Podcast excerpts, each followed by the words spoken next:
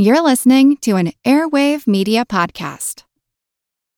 Without the ones like you, who work tirelessly to keep things running, everything would suddenly stop. Hospitals, factories, schools, and power plants, they all depend on you. No matter the weather, emergency, or time of day, you're the ones who get it done. At Grainger, we're here for you with professional grade industrial supplies. Count on real time product availability and fast delivery. Call clickgrainger.com or just stop by. Grainger for the ones who get it done.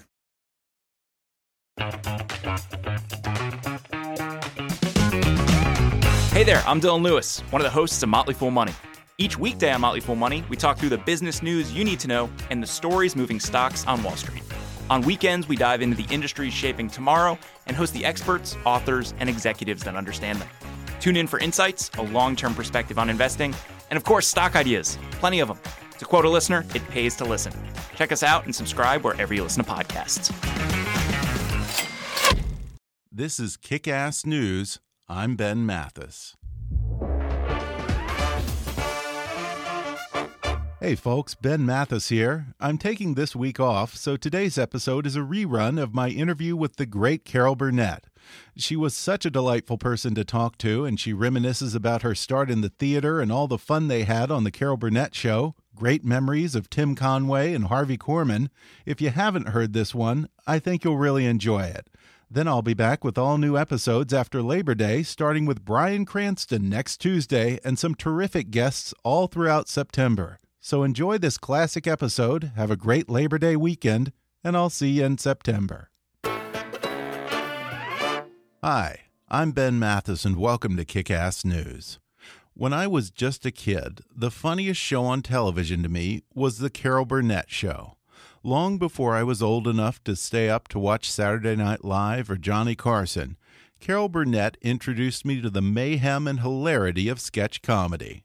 Who could possibly forget her soap opera parody as The Stomach Turns, or the skit called The Family, which was later spun off into the television series Mama's Family with her co star Vicki Lawrence, and the ones where she played Queen Elizabeth with Harvey Korman as her king, both of them constantly foiled by the ridiculously funny Tim Conway as a wisecracking palace guard. And then there were the movie spoofs. Oh, the movie spoofs. With send ups of films like Casablanca, Double Indemnity, From Here to Eternity, Mildred Pierce, Sunset Boulevard, Jaws, and of course, probably the most famous sketch of all, called Went with the Wind. The takeoff on Gone with the Wind that featured Carol Burnett as Scarlett O'Hara wearing that famous green velvet dress with the curtain rod still left in it. The Carol Burnett Show ran for 11 seasons on CBS, winning 25 Primetime Emmy Awards along the way. In 2007, it was listed as one of Time Magazine's 100 Best TV Shows of All Time, and in 2013, TV Guide ranked The Carol Burnett Show number 17 on their list of the 60 greatest shows of all time. Carol Burnett starred in the original Broadway production of Once Upon a Mattress, for which she received a Tony Award nomination, and The Garry Moore Show on television before getting her own TV show. In addition to the original Carol Burnett show, she starred later in the sketch comedy series Carol Burnett and Company and a revival of the Carol Burnett show in the early 90s. She's had many memorable guest appearances on television, including the Jack Benny program, The Lucy Show, Gomer Pyle, Get Smart, Here's Lucy, Sesame Street, The Sonny and Cher Show, The Muppet Show, All My Children, Magnum PI, The Larry Sanders Show, Mad About You, Desperate Housewives, Glee, and Hawaii Five-O along with her television specials like Julie and Carol at Carnegie Hall and later Julie and Carol Together Again, both of which co starred her dear friend Julie Andrews. There was also Carol Plus Two, Sills and Burnett at the Met, Dolly and Carol in Nashville, Burnett Discovers Domingo, and Carol, Carl, Whoopi, and Robin, in addition to television movies that included Eunice and Plaza Suite, and TV productions of musicals Once Upon a Mattress and Calamity Jane. Some of her film credits have included The Four Seasons, Annie, and Noises Off, Carol Burnett is the recipient of seven Emmy Awards, six Golden Globes, a special Tony Award, a Peabody Award, the Mark Twain Prize for American Humor, the Screen Actors Guild Lifetime Achievement Award, and the Presidential Medal of Freedom. She has a new book out. It's a charming behind the scenes memoir about her 11 year run with The Carol Burnett Show. It's called In Such Good Company 11 Years of Laughter, Mayhem, and Fun in the Sandbox. And today, Carol Burnett sits down with me to reminisce about some of the best times she had on The Carol Burnett Show.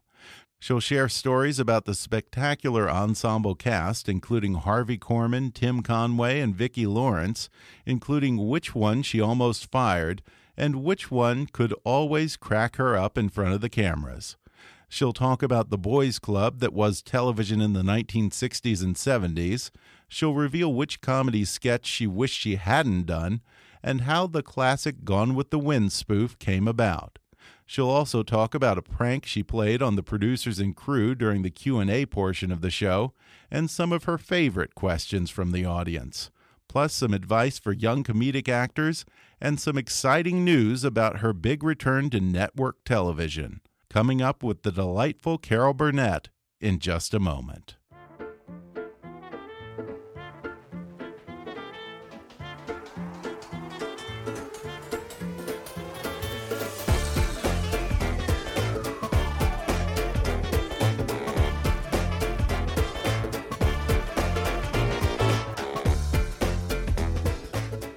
Today I'm sitting down with Emmy, Golden Globe, and Tony Award winning actress and comedian, the incomparable Carol Burnett.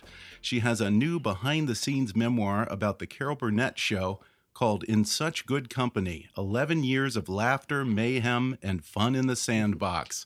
And also, I want to congratulate you on your new TV show. Oh, thank coming you. Up. thank That's you. exciting. Thank you. It's um uh, actually we're doing a pilot, but uh, Okay. And uh, Amy Poehler is one of the producing Wow. entities. Yeah, for it. Yeah. I have such fond memories. When I was a kid, you were probably my first exposure to television comedy and certainly sketch comedy. No kidding. Oh. And I was probably on the tail end, I imagine, of the series, uh, the end of the 70s. yeah, But yeah. Yeah, I I have such fond memories Thank of your you. show. Um, when did you first realize that you were funny? Well, I don't know. Um, I, I was very quiet in school. Really? Yeah. In fact, I wanted to be a journalist. Okay. and I was editor of my uh, Hollywood High School newspaper, and uh, so uh, the chance came for me to go to UCLA, and I was going to major in journalism, but they didn't have a major Okay. in journalism, so I got on the uh, the Daily Bruin, the school uh, newspaper, and then I looked through the catalog, and they had um, a theater arts English as a major, and so I thought, well, I'll take that, and then I can, uh, uh, you know, take the playwriting courses and things like that that they had there, and still be on the Daily Bruin. But I didn't realize until I signed up for it that if you major in theater arts at UCLA, you have to take an acting course, a scenery course, hmm costumes, all of that stuff as a freshman. So I, I was nervous. I had taking an acting course and having to get up in front of your stu- fellow students in the class and do a scene. And so I did a scene, and uh, it was a comedy. I just had a small part in it, and um, they laughed. and I thought, I like that feeling. Yeah. I, I think maybe. So I started getting more and more involved in doing uh, performance. And uh, it just kind of evolved that way. And so when I finally went to New York and got on a couple of television shows, I got letters from kids I'd gone to school with who said, Is that you?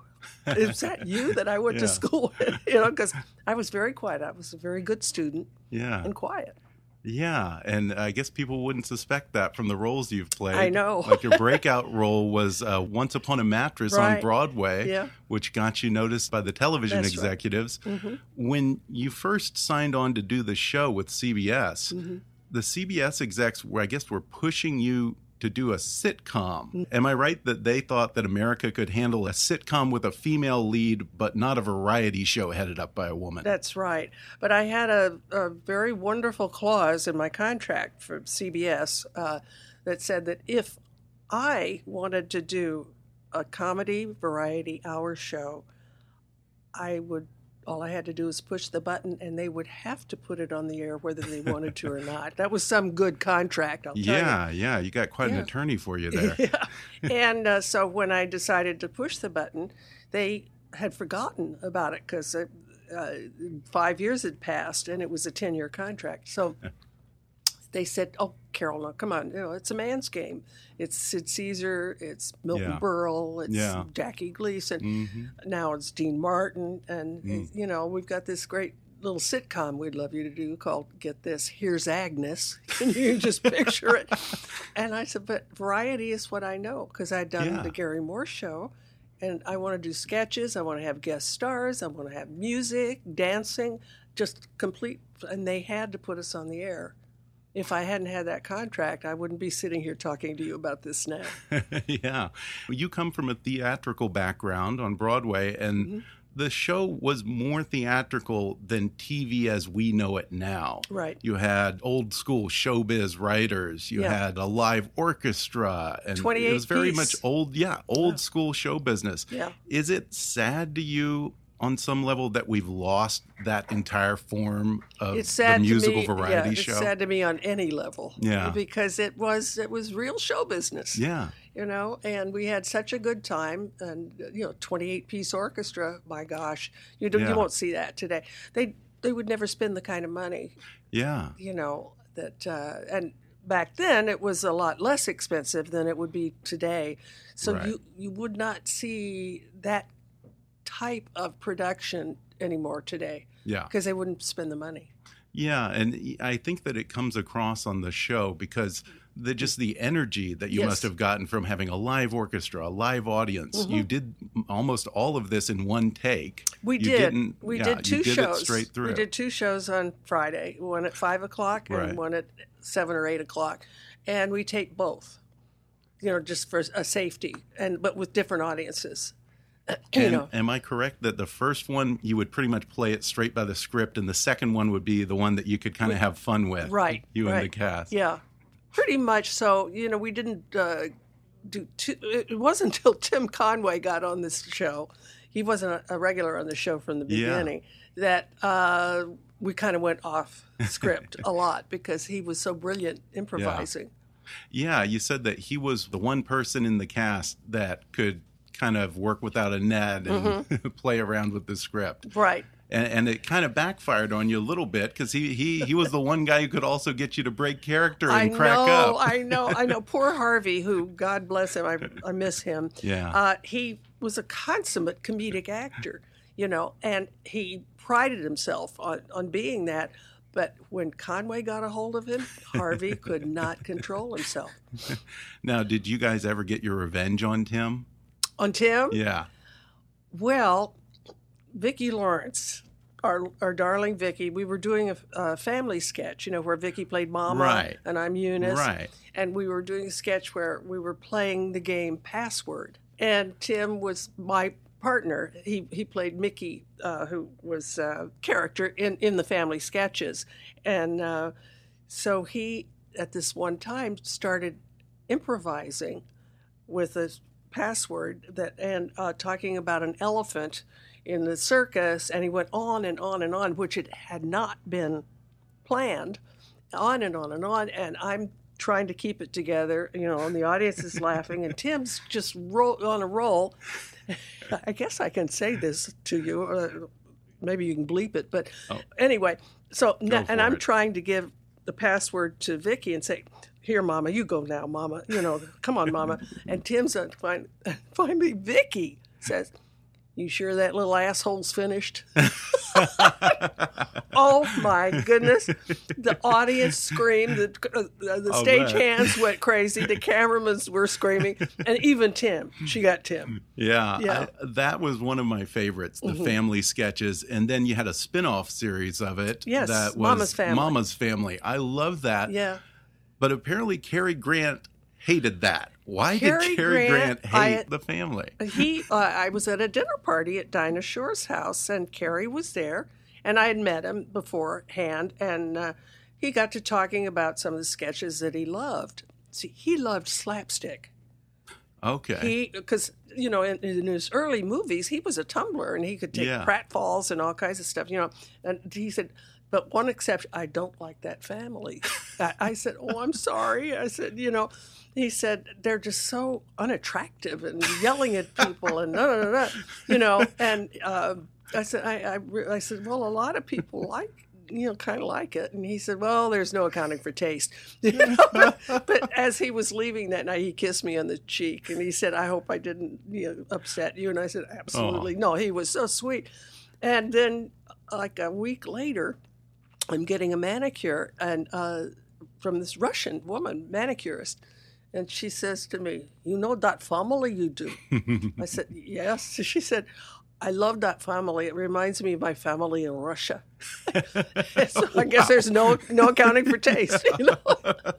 That's such a Cary Grant like thing to say, I feel like. You Yeah. know, I can completely picture him that not being his Yeah. cup of tea. well, yeah, yeah, he he was very sophisticated, but he loved uh, he loved physical huh? comedy. Yeah.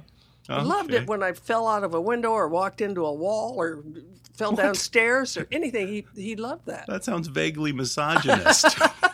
Well, he used to do that in, in some Yeah. of his early movies. You know, he would take big pratfalls. yeah, and you took quite a few tumbles. Did Yes, you ever I you never hurt yourself?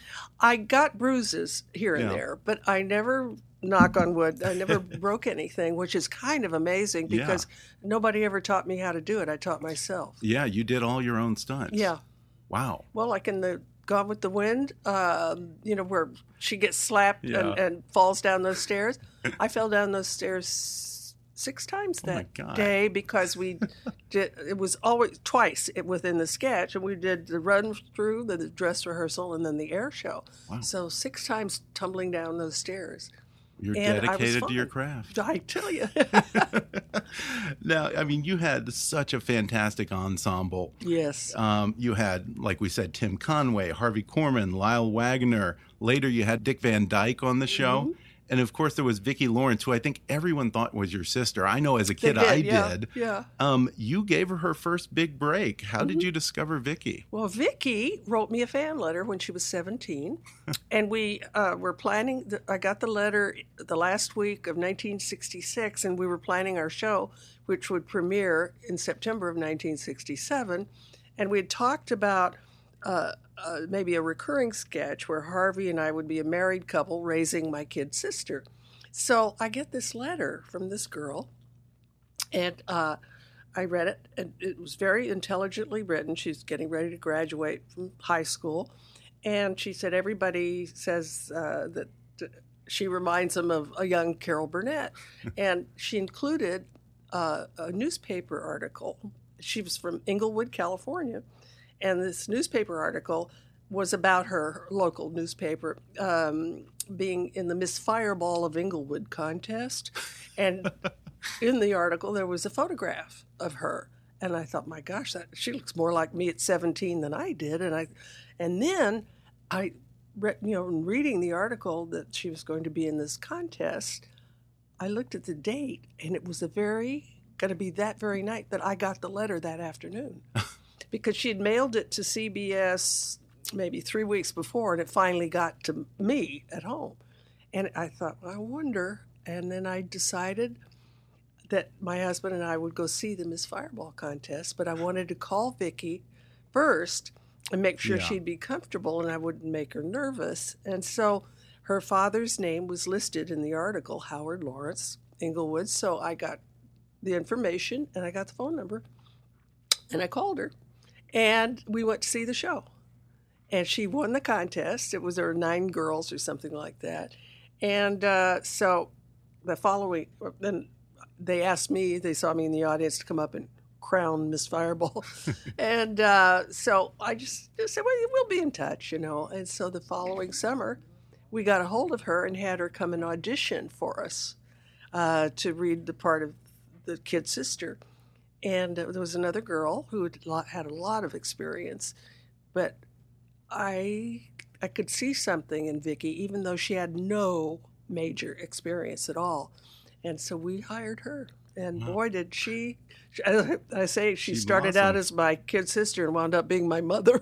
yeah, that's so funny. yeah, Yeah, and uh, yeah, I guess the network kind of resisted a little Yeah, they bit. did, be- but yeah. she grew into it, and you said Harvey uh, helped her learn comedy and improv- improvisation. he was wonderful with Yeah. her. He would uh, he taught her. You know, he said, "Don't just wait for your cue. You have to listen to the other actor and Mm-hmm. all of that." And he taught her accents and all kinds of things like that. You know, and Vicki uh, Vicki was a sponge. She just absorbed it, and then boy, did she come through.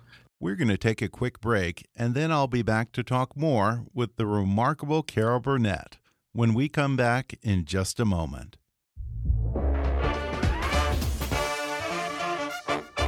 If you're loving my conversation with the great Carol Burnett, you should check out her wonderful new book, In Such Good Company 11 Years of Laughter, Mayhem, and Fun in the Sandbox. And right now, you can download the audio version of her book for free with a special promotion just for our listeners from audible.com. Just go to audibletrial.com slash kickassnews for a free 30-day trial and a free audiobook download, which can be in such good company 11 Years of Laughter, Mayhem, and Fun in the Sandbox by Carol Burnett, or any of Audible's 180,000 titles. That's audibletrial.com slash kickassnews. Or click on the sponsor link in our webpage to download the free audiobook of your choice. And now, back to the show. You did something that would probably seem unusual today. You were your kind of your own warm up act, Yes. and you would go out in front of the audience before the performance portion began and take questions from the audience. Mm-hmm. I mean, talk about working without a net. Yeah.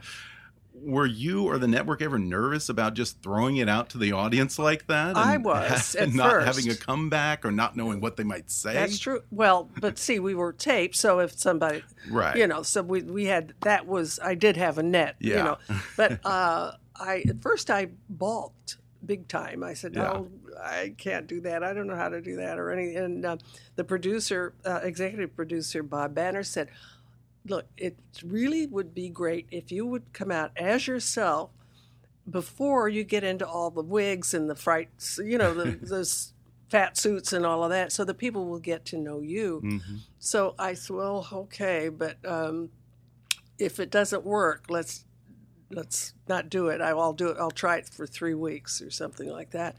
And the first show, I was pretty nervous. It's I'll bet. Oh wow! I was afraid nobody would ask a question. Then I was afraid somebody would, and I wouldn't have a snappy answer or Yeah. whatever, you know. But after about two or three weeks, once the audience had seen the show, uh, they, They knew got they got yeah. it. So they started coming prepared. We never had a plant, n- never a pre-planned question ever. Okay. And Wow. but and now I I've the past 20 years I've been going around the country every so often and I do 90 minutes of Q&A Oh wow. in theaters across the country.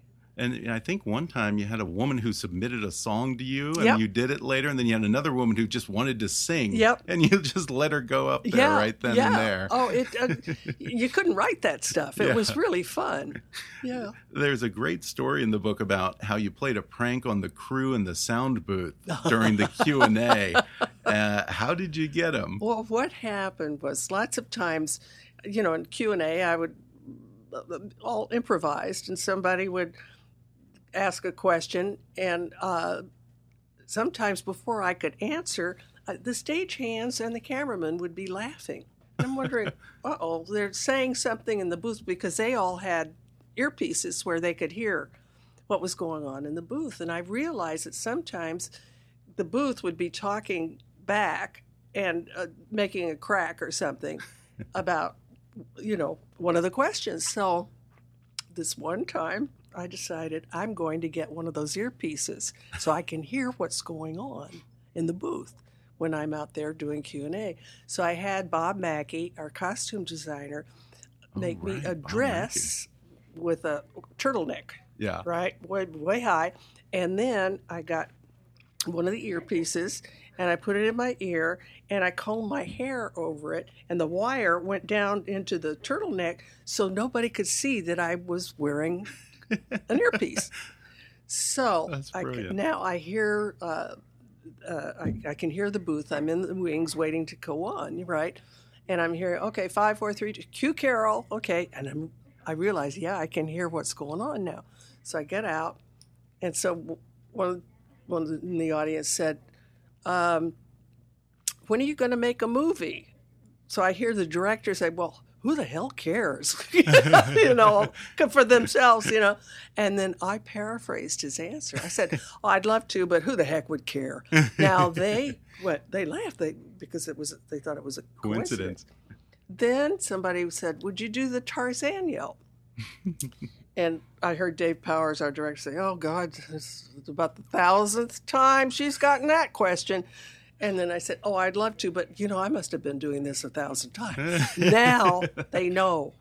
Uh oh, she's got an earpiece. You know, come on. And so they get Pat Kenny, who was on camera for, her, they go find, get get behind, look look for the earpiece. And of course, I'm playing it very straight, like I can't hear what they're saying, and it was kind of tough because they were yelling at me at one point, Yeah. you know, and I'm just I was very cool with it, and yeah, it Oh, was God, oh it was such fun. And on the way home.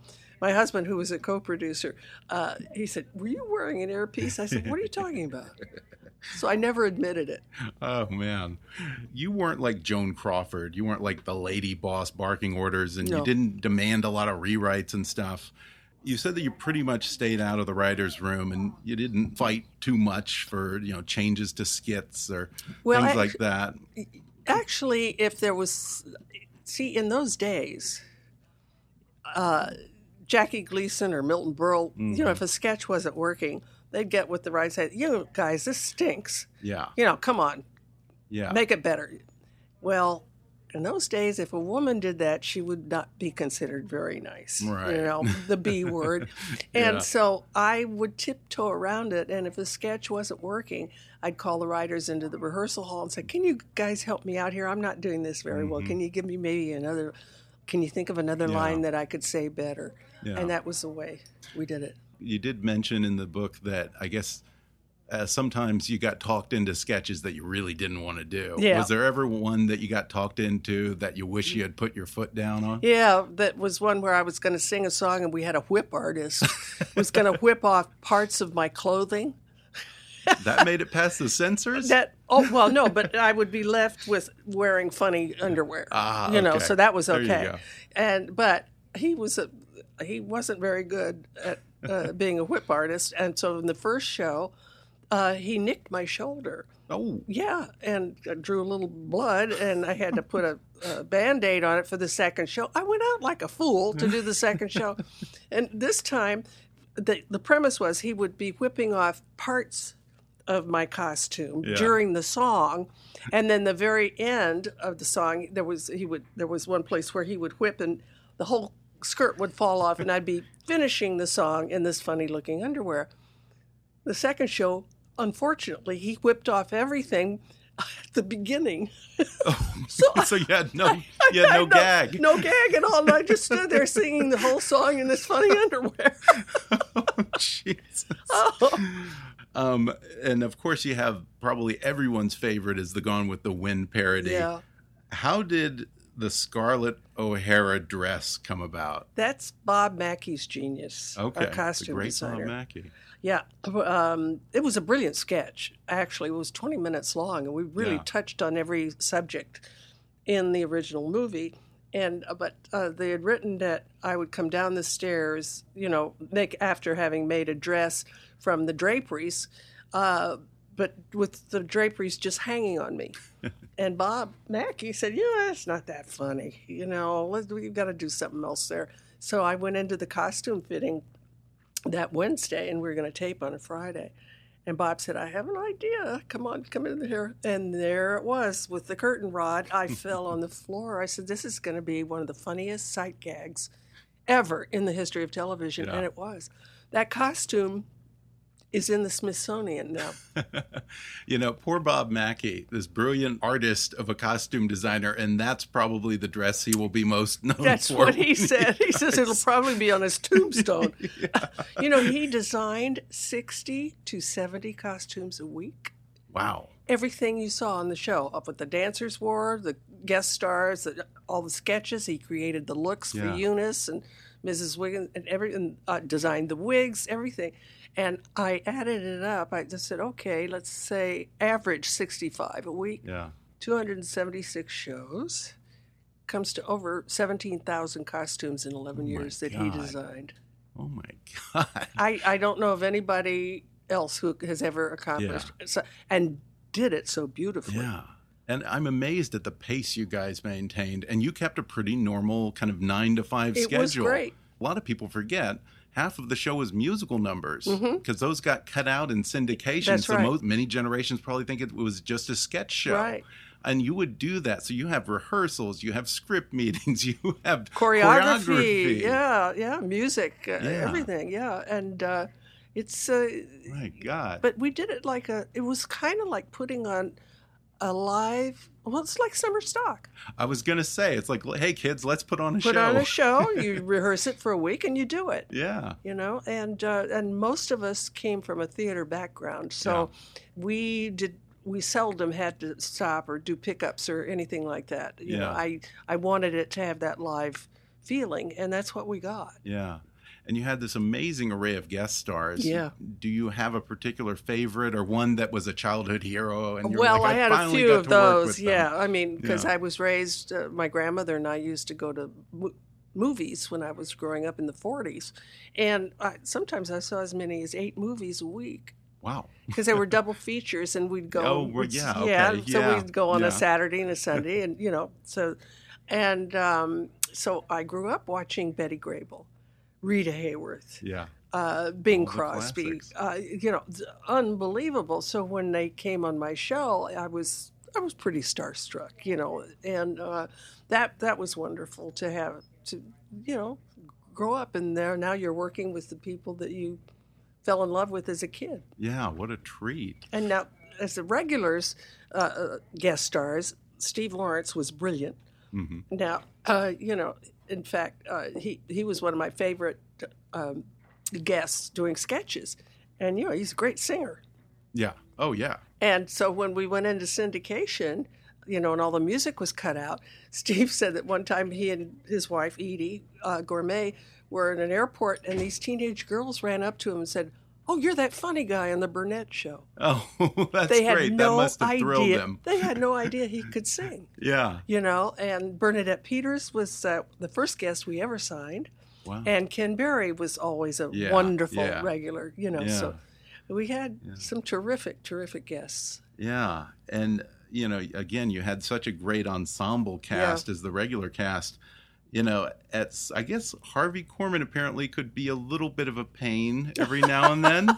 He could get into a mood. Apparently, I didn't realize this. At one point, you fired him, sort of. what what happened Oh there? well, uh, he he was in a bad mood this one Friday morning when we were uh, doing a pre-tape thing, and he kind of snapped at uh, one of our guests. Oh, you know, I mean, he he- he didn't snap, but he was rude. Yeah. You know, and I went up to, I said, Harvey, you know, he can snap at me because we could always get him out of it because he was, we could turn him on a dime Yeah. and then he'd be his wonderful self.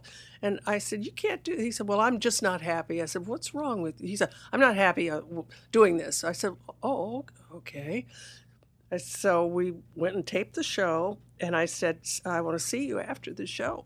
So I went to his dressing room, and I said, You're really unhappy? And he said, Yes, I am. I mean, he was just having a bad day. Yeah. I said, Okay, then don't come back. Don't come back next week.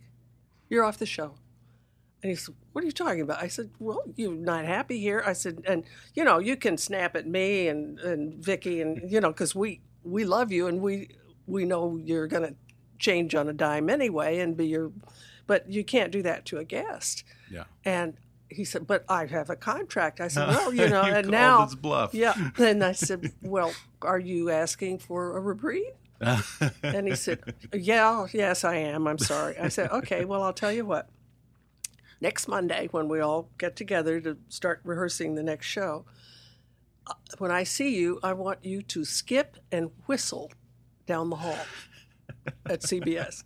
So that Monday, I was headed for the ladies' room uh, before we were going to do our script reading. The elevator door opened, and Harvey stepped out, and we just stared at each other for a moment, and then he went.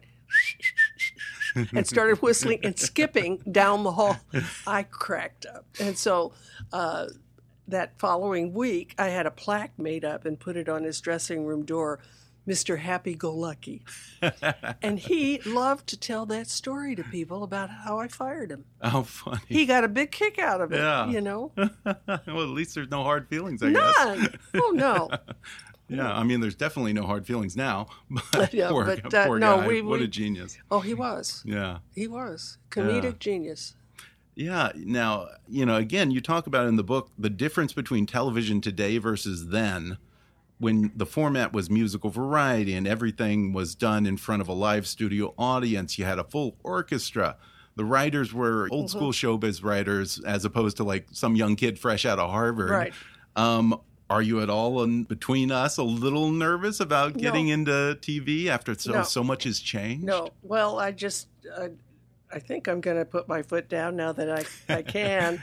I don't want a lot of interference from networks, from Yeah. the network. I, I don't know how we're going to deal with it, but, uh, you know, we, we did very well before.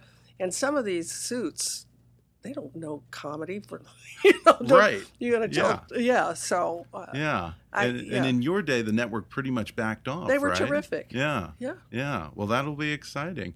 Um, before we wrap up here, treat me like a young kid who's just coming to Hollywood and asking for some advice. Do you have any secrets or rules for comedic timing or I don't sketch comedy there- that you live by? Uh, I don't think there are any rules that you can say. Yeah. You you either have it or you haven't. But what helps is getting practice. yeah. Definitely, you know. But uh, I think you're born with timing. Mhm. Uh, but uh, you can certainly improve. Yeah. You know. And uh, also another thing about tr- trying out and auditioning, uh, I I was lucky enough when I went to New York to get some sort of an idea in my head that okay, well, for instance, I auditioned for a Broadway show, small part, and it was narrowed down to me and another girl, and I thought I had it, but I didn't, and she got it, but thank God I felt I said, you know what? It's her turn.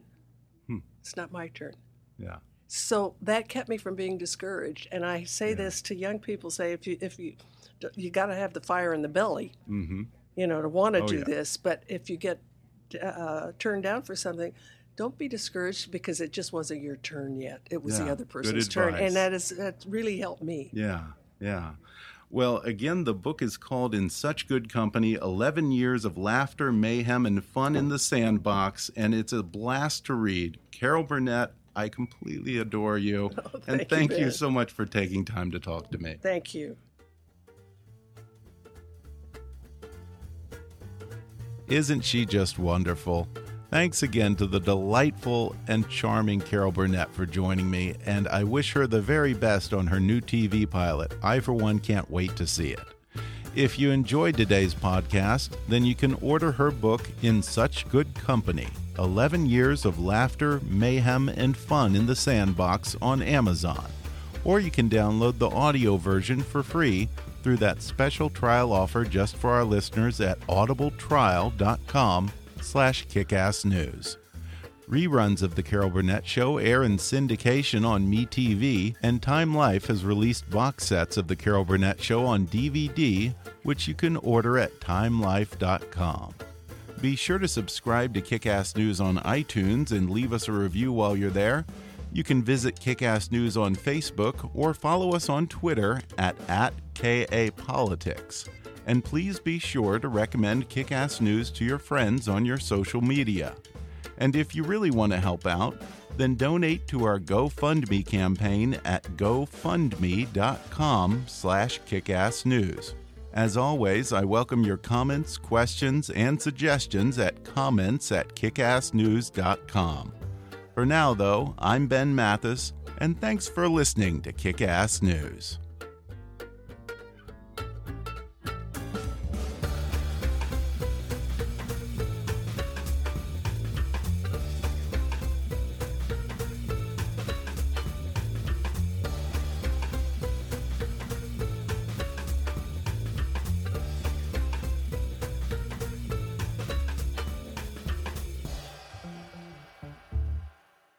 Ass News is a trademark of Mathis Entertainment, Inc.